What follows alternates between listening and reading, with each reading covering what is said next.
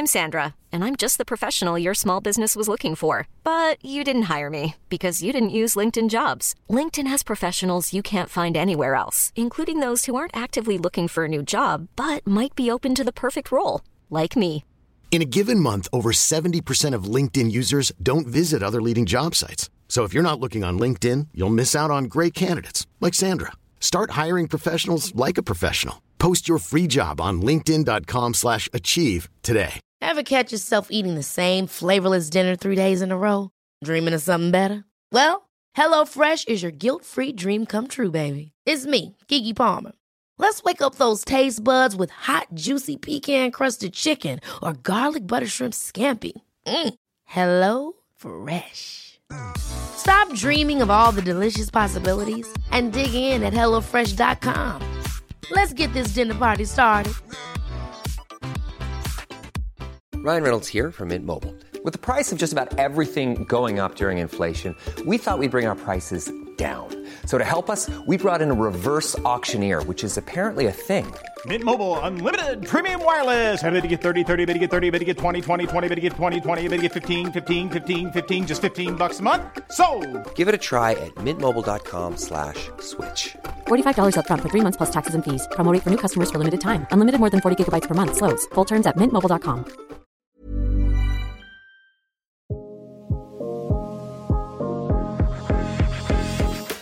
vi är inte skapta för att ta hand om pengar, vi är skapta för att vara på savannen och grottorna. Vi, vi beter oss likadant fortfarande. Hej och varmt välkommen till premiären av Smarta Cash. Podden som guidar dig till en bättre ekonomi och en tryggare och roligare framtid. Här intervjuas inspirerande och otroligt kunniga gäster av mig, Isabella Amadi. Dagens avsnitt handlar om hur man gör en bra budget men också om varför man bryter mot den. Det kan vara den där kaffe på stan som blir lite för många eller en dyr matkasse eller en utekväll som man inte hade skrivit in i sin lista. Varför gör vi så här och varför är vi våra egna värsta fiender? Den frågan och många fler ska dagens gäst få svara på. Det är en eh, orimligt klok ekonom som också har psykologiutbildning i sitt bagage. Hon förstår oss bättre än vad vi själva gör. Kristina Salberg, välkommen hit! Tack så mycket, kul att vara här. Du jobbar ju på jämförelsesajten Compriser och Ja. du har också skrivit en bok som heter Fixa din privatekonomi, smarta lifehacks för mer pengar och ett rikare liv. Ja, det stämmer. Det är ju massor. Vad, Ja. vad, vad, hur beskriver du själv vad du jobbar med?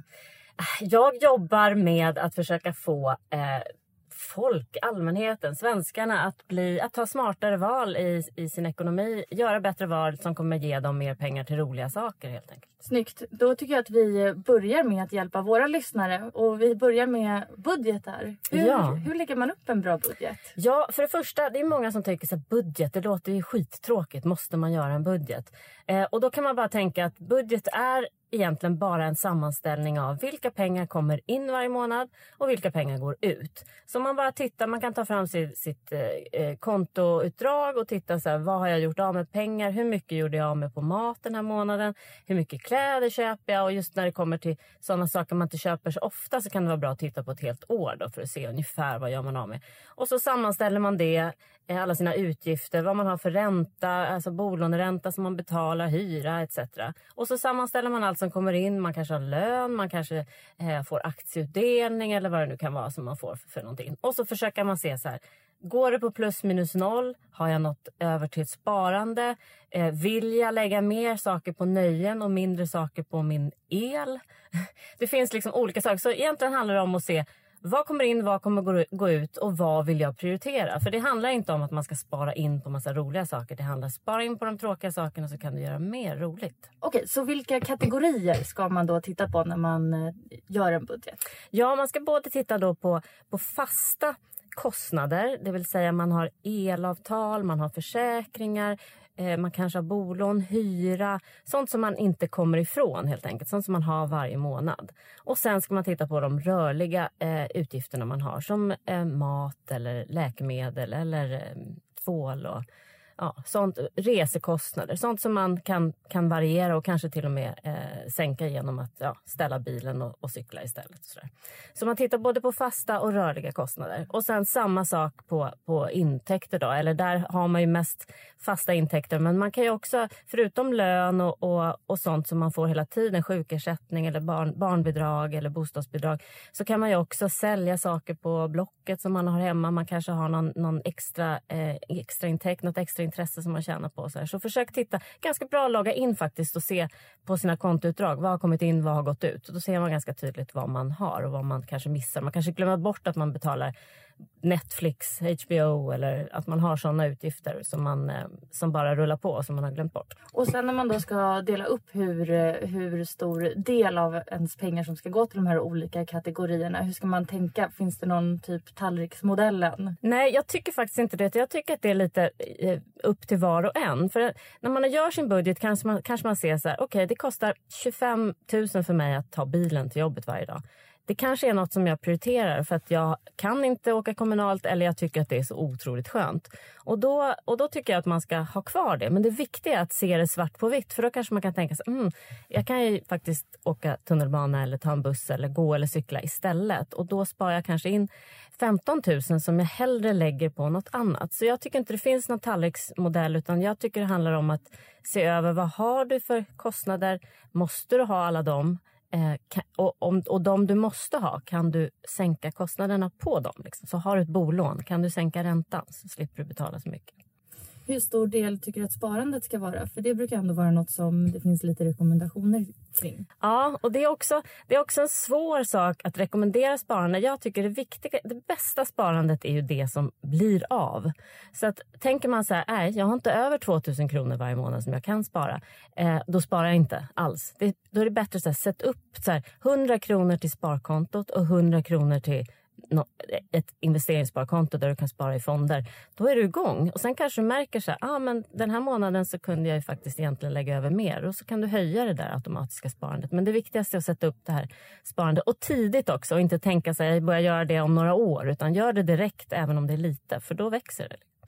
Eh, och vad eh, finns det för några poster man kan dra ner på? Du var inne där på några stycken men vilka mer brukar vara de här kanske viktigaste sakerna som man glömmer bort men som man kan tjäna ganska mycket pengar på. Ja, och jag tror att många tänker att det man sparar mest på kanske är den här latten varje dag eller läsken eller snuset eller någon, någon sån här kostnad som man har varje dag. Men, och det kan man absolut dra ner på och det kan man ju titta på. Tycker jag det är värt att, att, att verkligen lägga så här mycket pengar på, på det varje dag?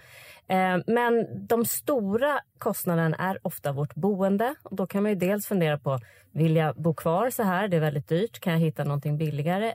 Eller då, ja, jag vill bo kvar. Okej, okay, kan jag sänka eh, just bolån? Om man har ett bolån så är ju det otroligt mycket pengar. För varje halv procent enhet man, man kommer ner så, så sparar man ju 3 500 kronor per miljon som man lånar. Så det, man tror inte att, det, att de här små, små förändringarna gör så stor skillnad, men det gör väldigt stor skillnad. Elavtal är också sånt där som man ska vara aktiv på. För om man byter det lite då och då så kan man spara jättemycket pengar där. Försäkringar är en stor post. Där, där tror man också, det är många som har samma försäkring som ens föräldrar hade eller som man har haft alltid. Eh, och man förstår inte att när det kommer till de här tjänsterna så är det faktiskt att, så att otrohet lönar sig verkligen. Att man ska inte stanna hos samma. Man blir inte premierad utan man blir snarare straffad. Så, så kolla upp alla dem. Och det, det är också något sånt där, om man gör den här budgeten så kommer man säkert se att gud, jag borde kolla upp all, alla de här olika sakerna. Bestäm dig då, så här, kolla en sak i veckan eller en sak i månaden eller någonting. Gör upp en plan så att du kommer igång. Gör en sak i taget. Liksom. Men det här okynnesköpandet då? För det känns ju verkligen som att eh, man är dålig med sin ekonomi. När man köper den där extra grejen i matbutiken eller man kanske tycker att man unnar sig själv lite väl mycket när man är bara ute på en promenad och tar en lunch och hoppsan hejsan så blev det också en tröja. Ja, och det är ju, det är ju en, av, en av de här fallgroparna som vi gör som vi, som vi människor vi är inte skapta för att ta hand om pengar, vi är skapta för att vara på, på mitt älsklingsämne, savannen och grottorna. Vi, vi beter oss likadant fortfarande för egentligen har vi, har vi levt 99 procent av våra liv på savannen och i grottorna. Och det är så kort tid vi har levt så här civiliserat och ska ta hand om pengar. Så vi är usla. Och det finns en fallgrop som heter accumulation bias. Och det är att vi har otroligt svårt att se små siffror eller små summor, hur stora de blir på sikt. Eh, och det handlar ju om miljoner kronor som du förlorar av att köpa en läsk varje dag eller snusa eller röka eller, eller ja, gör, ta bilen till jobbet. Små, man tänker så här, eller lunch ute, ah, 80 kronor. Så, ah. Men så ser man inte att okay, det blir 18 000 per år och 18 000 på ett, ett investeringssparkonto med en avkastning, ja, det är några miljoner. Liksom. Hisnande. Ja. faktiskt. Eh, men det här med budgeten då, det är ju väldigt svårt att hålla den. Hur ofta tycker du att man behöver titta till sin budget? Eh, ja, jag tycker man bör titta till den en gång om året. Eller när man gör förändringar. Om man ska flytta eller man ska köpa något dyrt eller någonting. För då kan man titta så här, har jag plats med det i budgeten? Eh, eller är det något annat jag får dra ner på då för att kunna eh, köpa det? Så att, eh, eller vill jag öka mitt sparande eller någonting? Så när du ska göra förändringar så ska du titta där. Eh, men, eh, men annars en gång om året om du känner att nu har inte jag varit där och tittat på ett år, se om något har eh, förändrats. Och, och, och gör du besparingar också är det ju kul att titta, titta till den. För du har sänkt din bolåneränta till exempel. Då, då ser du ju att okej, okay, jag, fick liksom, jag fick 5 000 kronor över. Det var, ju, det var ju trevligt. Kanske du kan lägga det på sparande. Eller bestämma för att då kan du sätta det på resekontot och så kan du resa för det. Om man är tillsammans med någon då och har delat hushåll eller till och med helt delad ekonomi, hur ska man göra med sin budget då? Ja, då är det ju då är det jätteviktigt. Och även om man inte har delad ekonomi tycker jag det är viktigt att man sätter sig ner och tittar tillsammans på hur det ser ut. För då kan man ju ofta så är det ju så att man vill ju lägga pengar på olika saker. Och det är otroligt vanligt att man bråkar om pengar som alla som har levt ihop vet. Eh, men då tycker jag, då tittar man tillsammans på budgeten och ser liksom när vi har betalt alla våra utgifter och, och de här pengarna kommer in och hur man vill dela upp vem som betalar vad och så, så kan man ju se att okej, okay, då har vi 3000 kronor var över och då får man lägga det på det man vill kanske, så slipper man bråka om det. Att jag lägger det på kläder och, och någon annan lägger det på böcker eller, eller utekvällar eller någonting. Och då, då blir det lättare att liksom acceptera att man har olika intressen och man får lägga sina egna pengar på det man själv vill. Liksom. Mm. Men om man, lönen skiljer sig väldigt mycket åt, eller inkomsterna. Ja. Eh, hur ska man göra då? Ja, det är också det är självklart upp till var och en. Men jag, jag kan ju tycka att lever man ihop och, och, och, kanske till och med har familj och sånt så, så, så bör man ju på något sätt kanske eh, dela upp att man betalar lite procentuellt utifrån vad man tjänar. Så att den som tjänar mer betalar också mer på de fasta, eh, fasta avgifterna eller utgifterna som man har. Men det är ju upp till var och en hur man vill, eh, vill lägga upp det där. Men det tycker jag ju är mest rättvist. Hur viktigt är det att båda är involverade i ekonomin om man nu lever i relation? Jag tror att det är superviktigt. Dels för att relationen kan ta slut och då står den som inte har varit involverad där utan att ha en aning om vad som, hur det funkar och vad som har hänt och sådär. Eh, och dels för att inte bråka om det. För om man inte kan någonting om det då är det, jättesvår, då är det jättelätt att ha åsikter men, men man kanske har dåliga åsikter då, eller felaktiga åsikter för man vet inte riktigt hur det ligger till. Så jag tycker, och det är inte, det är inte så svårt och inte så krångligt. Självklart behöver inte båda sitta och betala räkningarna men jag tycker det är viktigt att båda är, är involverade i vad, vad, vad, vi har för utgifter och vad vi har för inkomster och hur det funkar. Mm.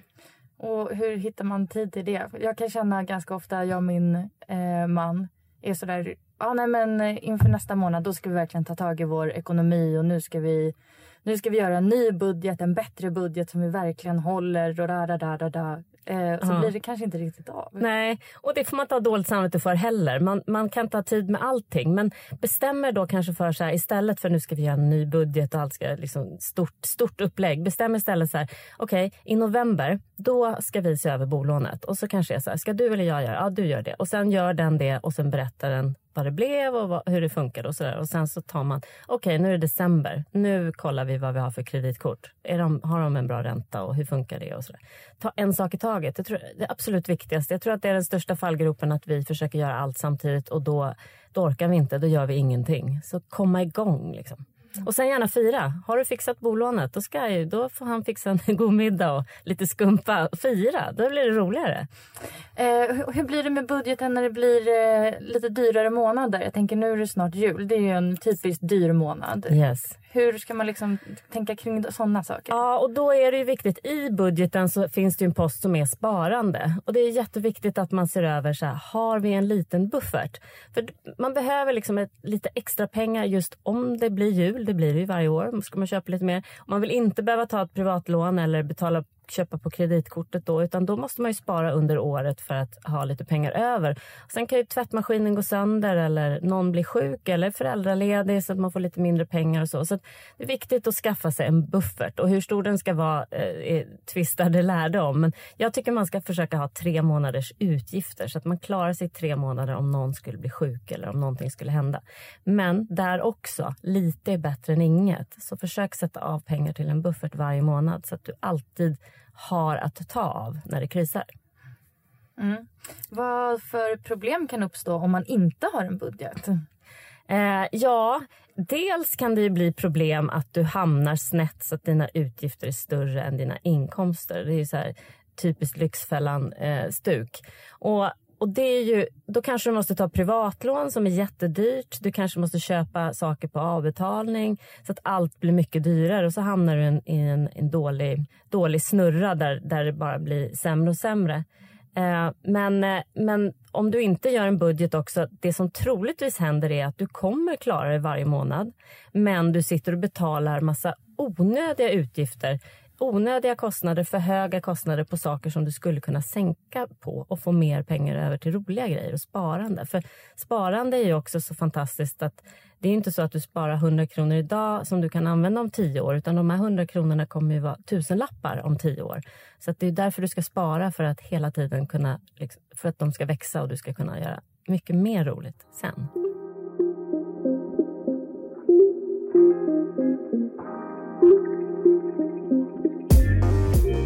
Spara, spara. Det vet vi att vi ska göra. Men vad finns det för alternativ?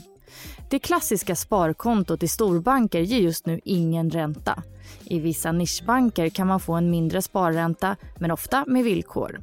Sparandet kan också göras i fonder eller i aktier, men det är såklart förenat med risk och rekommenderas främst för långsiktigt sparande. Så tänk igenom när du vill använda pengarna och välj sparform därefter.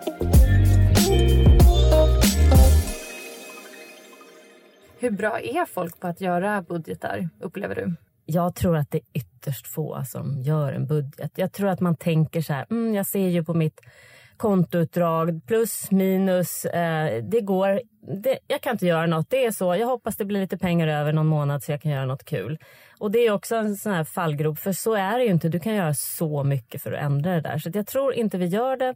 Vi tror att vi inte kan påverka det eh, och vi tror att det är mer komplicerat än vad det är. Det tar en timme och sen kan du börja beta av vad du kan sänka kostnaderna på. Så det är, fler borde verkligen göra det. Så varför är vi så usla på det här? Vad är grejen med vår hjärna? Ja, vi är ju skapta för överlevnad och fortplantning. Så att, eh, det är egentligen att leva och att få ha sex. Och det, är ju, det kan ju låta banalt, men det är, vi lite fortfarande. Och vi har ett automatiskt tänkande, en hjärna som reagerar blixtsnabbt utifrån erfarenheter eh, och som inte tittar på så statistik och funderar och tänker och räknar. Utan vi, nästan alla våra beslut tar vi automatiskt. Eh, och Det handlar då om att ta beslut som är bra just nu. För för, det, för att överleva och så, så gäller det att reagera blixtsnabbt på saker och inte hålla på att planera för framtiden. Så vi är inte skapta för att planera för framtiden. Så vi måste liksom lura oss själva att sätta oss ner och göra det. För det går emot vår natur. Eh, så att, och det går inte att lura hjärnan, vi kan inte ändra eh, hjärnan. Men däremot att vi vet om att det är så, så kan vi kanske vid vissa tillfällen tänka, vänta, nu ska jag tänka nu ska jag inte bara eh, reagera automatiskt utan jag ska tänka efter. Vad ska jag köpa här eller vad ska jag göra med det här? Så, så ja, vi är helt enkelt inte skapta för det här och det är ingen som är det. Alltså de som lyckas och de som har koll på sin ekonomi, de har bara liksom lurat sig själva och satt upp lite regler. Har du något exempel på såna klassiska eh, nybörjar eller klassiska fällor som man går i? Ja, det finns något som heter eh, status quo och det är att vi, vi, vill, vi vill gärna att saker ska vara som det alltid har varit och vi är ganska rädda att ändra eh, ändra hur det är idag för vi är rädda att det kan bli fel då, att vi gör något fel. Och jag tror att det handlar om att om man har en strategi på, på savannen när man överlever och får eh, fortplanta sig, varför ändra något? Varför gå en annan väg? när man ska, Då kanske man blir dödad. Så vi vill gärna att saker ska vara som vanligt. Och det till exempel, vi kan se att, att två av tre har aldrig bytt sitt, sitt försäkringsbolag. De har samma försäkringsbolag. Trots att vi kanske i bakhuvudet vet att vi blir nog lurade för det går upp varje år. Liksom. Eh, och, och därför ska man försöka då gå emot det här och tänka att, att liksom, nej, det ska inte vara som det alltid har varit. Nu byter vi, nu chansar vi, nu tar vi. Liksom. För när det kommer till ekonomi så är det bättre att byta oftare än vad vi gör. Så det, det är en typisk eh, fallgrop. Sen har vi ju förlustaversion. Det är jättevanligt på, eh, när vi investerar på, på börsen och aktier och sånt som vi köper. Det, det är ju fruktansvärt ont i oss att förlora pengar. Så, så har en aktie eller en fond gått ner så, så tycker vi det, vi vill gärna ha kvar den tills den går upp igen då, när, fast vi kanske borde göra oss av med den. För att förluster är eh, otroligt svåra att ta och det gör också att vi kanske har pengar på på sparkontot istället för att investerare på börsen. För vi, vet, vi ser ju skräck, eh, nyhetsartiklar där det står att liksom börsen rasar och man förlorar jättemycket pengar. Och då tittar vi inte på helheten och tänker att fast det går ju alltid upp över tid. Så att om vi bara tar det lugnt så kommer det gå upp. Så har vi pengar på sparkontot får ingen avkastning istället för att sätta in det eh, på börsen. Så att vi ska inte vara så fega som vi är utan eh, våga lite, lite mer. Så det är alltså naturligt att vara lite rädd för börsen? Väldigt naturligt. Och det har med okunskap att göra. Och det är faktiskt så, man har kunnat se att när om vi har investerat på börsen och så ser vi värdet på våra pengar gå ner, då kan vi se att det är samma del i hjärnan som aktiveras när vi har fysisk smärta som aktiveras när vi ser att vi förlorar pengar. Så det gör så fruktansvärt ont så de flesta av oss säljer ju då när det har gått ner istället för att vara coola och vänta tills det går upp igen. Så det är svårt och det gör ont. Så ett, ett smart drag om man ska investera på börsen tycker jag är att bestämma sig innan. Vad gör jag om det rasar 40 procent? Att man bestämmer det innan, skriver ner det och sen får man inte liksom bryta mot det. Utan då är det bara att sitta och inte logga in helt enkelt. Vänta tills det går upp. Det gick ju ner nu i våras under corona med över 30 procent och då var det jättemånga som sålde. Nu är det ju upp igen. Så att, ja. Finns det några fler fallgropar kopplade till just det här med budgetar? Ja, precis. Det finns en som heter mental bokföring. Och lite Man kan tänka sig förr i tiden när vi hade, när vi hade kanske glasburkar med pengar eller olika kuvert hemma. En var till hyra och en var till mat. Man delade upp pengar lite och det gör vi ganska lätt eh, nu också. Så att jag ser ganska många som säger till exempel jag har bara 20 000 kronor kvar på mitt studielån. Nu ska jag betala tillbaka allt. Fast lite snabbare än jag behöver. Och då tänker jag så nej, nej, nej, nej, det är, det är jättelåg ränta på studielånet. Mycket bättre att betala av ett bolån eller ett privatlån eller kreditkort eller något annat och det är till och med bättre att inte betala av och spara de pengarna istället för det är så låg ränta. Så ofta är vi sådär, vi vill gärna bli av med ett lån kanske även om den har lägre ränta än, än, eh, än ett annat lån. Budgeten hjälper dig att, att liksom se helheten på ekonomin. Att, att man kan se, vänta nu, jag har ett privatlån som jag betalar massa eh, ränta på och sen så sparar jag fortfarande massa pengar på ett sparkonto. Eh, och då är det ju bättre att inte spara på sparkontot och betala tillbaka privatlånet först. Så man får en helhetssyn lite när man gör eh, en budget och då slipper man de här fallgroparna ofta. Eh, det var en av de här fallgroparna som jag läste som jag tyckte var så eh, eh, vansinnig för att jag kände väl igen mig så himla mycket. Och det var det här, eh, det var någonting att det hette med jämför, att man jämför alltid med det första man har sett. Ja. Kan du berätta lite om den? Ja, det är väldigt spännande. Det, det utnyttjar mäklare ganska mycket tror jag när man ska köpa bostäder. För att om du ska köpa en bostad och så, och så kostar den en och en halv miljon eller någonting, det står det i prospektet. Eh, då är det den siffran du sen kommer utgå ifrån och då kommer du tycka att får du bostaden för en miljon 550 så var det rätt bra, för det var ungefär det som stod. Skulle, och, och, det kanske är ett bra pris. Eller så är det så att egentligen så var den bara värd 1 miljon 300 och hade det stått 1 miljon 300 i prospektet då hade du tyckt att du hade betalt överpris. Så det handlar väldigt mycket om vad du först får till det. Och det kan man tänka på eh, faktiskt om man ska, ska få någon att investera så kan man säga att det här kostar, det här kostar liksom 70 000 och säger men herregud. Och så, fast jag har fått ner det till 40 nu för att och så börjar man prata om det. Då blir det direkt en känsla av att det är billigt. Så att, så att vi är, och det, det, vi kan luras hur som helst på det där. Det, det är en otroligt stark instinkt vi har att utgå ifrån det första, första grejen. Och därför så, så när det kommer till allt, försäkringar, bolån och allting sånt, är det viktigt att tänka så här, vänta nu, vad, håller jag på med det här att, att första siffran är viktig eller, eller tänker jag på riktigt vad, vad det är värt? Och jag tror att på börsen också, jag tror att ibland så har, har någon aktie gått upp otroligt mycket och då utgår vi från den summan istället för att tänka att vänta nu, för två månader sedan så var det halva priset. Eh, så att vi luras mycket av eh, siffror. Det är mm. svårt med siffror. Ja, verkligen. Ja. Men eh, hur kan vi då överlista oss själva? Ja, eh, det är faktiskt att hålla lite koll på de här sakerna och fundera på vad, vad gör jag som, som, som kanske är dumt? Eh, för vi kan, vi kan aldrig... Alltså vi är skapta väldigt bra och vi funkar väldigt, väldigt bra. För till, till exempel om man kommer in i en matbutik om man varje gång man ska köpa något skulle gå igenom så här. Okej, okay, de här flingorna, eh, vad är det för innehåll? Vad kostar de? Vad är det för varumärke? Vad, är det för, eh, vad finns det för andra flingor? Vad de? Vi skulle aldrig komma ut ifrån butiken. Så vi måste ta beslut lite utifrån Eh, förutsätt, vad, vad vi tror. Eh, och det funkar jättebra oftast. Eh, så just när det kommer till flingor kanske vi inte behöver hålla på och gå igenom allt. Men när du ska köpa fonder kanske, eh, eller när du ska skaffa ett bolån eller när du ska ja, göra någonting annat så kan det vara bra att, att ge det lite tid att tänka så här, vänta nu, det här är ett stort beslut och nu ska jag inte eh, falla i någon av de här fallgroparna utan nu ska jag verkligen försöka utvärdera det på riktigt, lägga lite tid. Liksom. Eh, så det är nog smartast. Men fundera själv, kanske gå igenom olika fallgropar som finns och så fundera vad, vad brukar jag eh, fastna vid? Vad brukar jag göra? Och sen nästan skriva upp en liten lista så att man inte hamnar där igen. Ja, man kanske kan hjälpa varandra där. Och... Ja, precis. Nu håller du på så där igen. Ja. Mm. Nu är ni på väg i fallgropen. Exakt, exakt. Ja, okej. Okay. Men eh, har du några såna dagliga små eh, tricks eller lifehacks för att eh, sköta sig?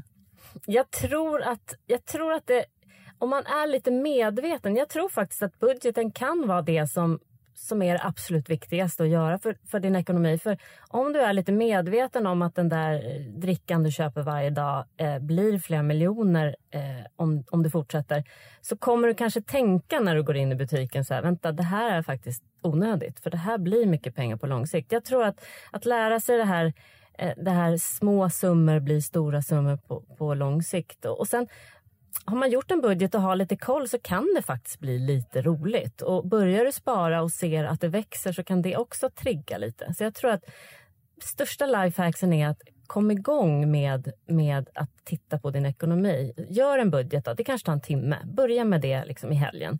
Eh, och sen titta på, är det något... För då kommer man se så här, herregud vad vi köper mycket dricka. Eller gud vad vår mat är dyr. Kan vi handla i någon billigare butik? Och, och lite sådär. Och man kan ta en sak i taget då. Så jag, tror, jag tror att få koll och inte vara rädd. För det är inte svårare än någonting annat. Det är ganska enkelt egentligen med ekonomi. Men många tror att det är svårt. Det är just för att det är så stort. Det finns så mycket. Så en sak i taget tror jag är det viktigaste. Vilka är dina dos and don'ts eh, inom privatekonomi generellt?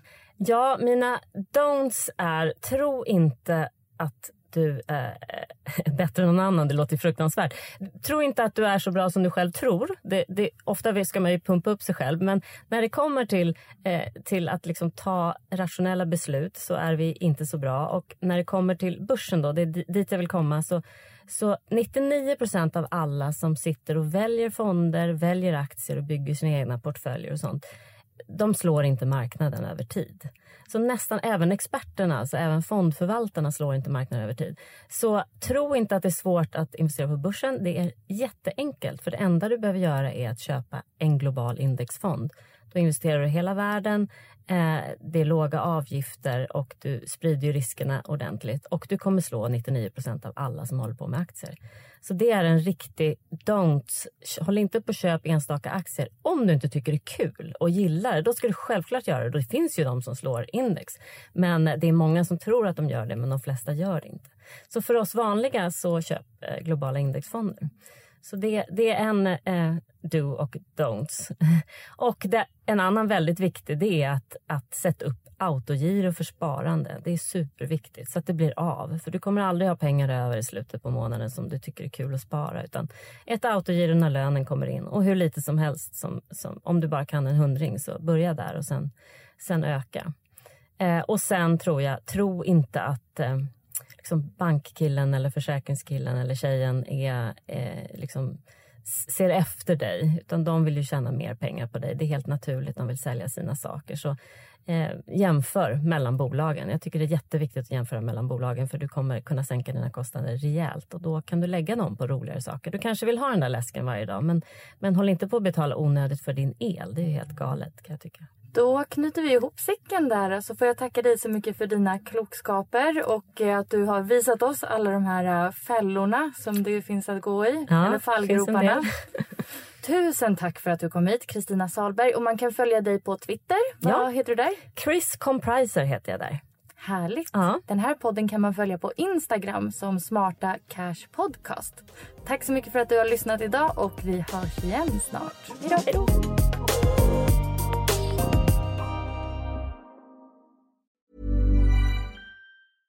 Hey, it's Paige DeSorbo from Giggly Squad. High quality fashion without the price tag. Say hello to Quince. I'm snagging high-end essentials like cozy cashmere sweaters, sleek leather jackets, fine jewelry, and so much more. With Quince being 50 to 80% less than similar brands.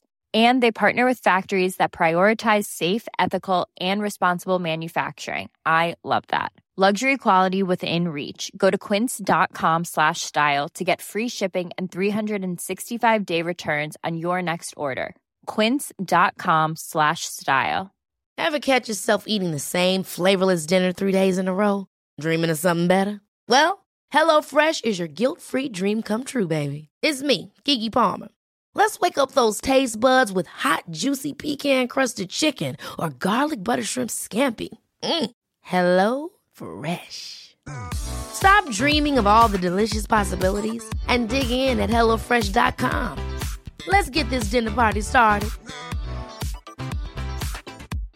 Imagine the softest sheets you've ever felt. Now imagine them getting even softer over time. That's what you'll feel with Bowl and Branch's organic cotton sheets. In a recent customer survey, 96% replied that Bowl and Branch sheets get softer with every wash. Start getting your best night's sleep in these sheets that get softer and softer for years to come. Try their sheets with a 30-night guarantee. Plus, get 15% off your first order at bowlandbranch.com. Code BUTTERY. Exclusions apply. See site for details.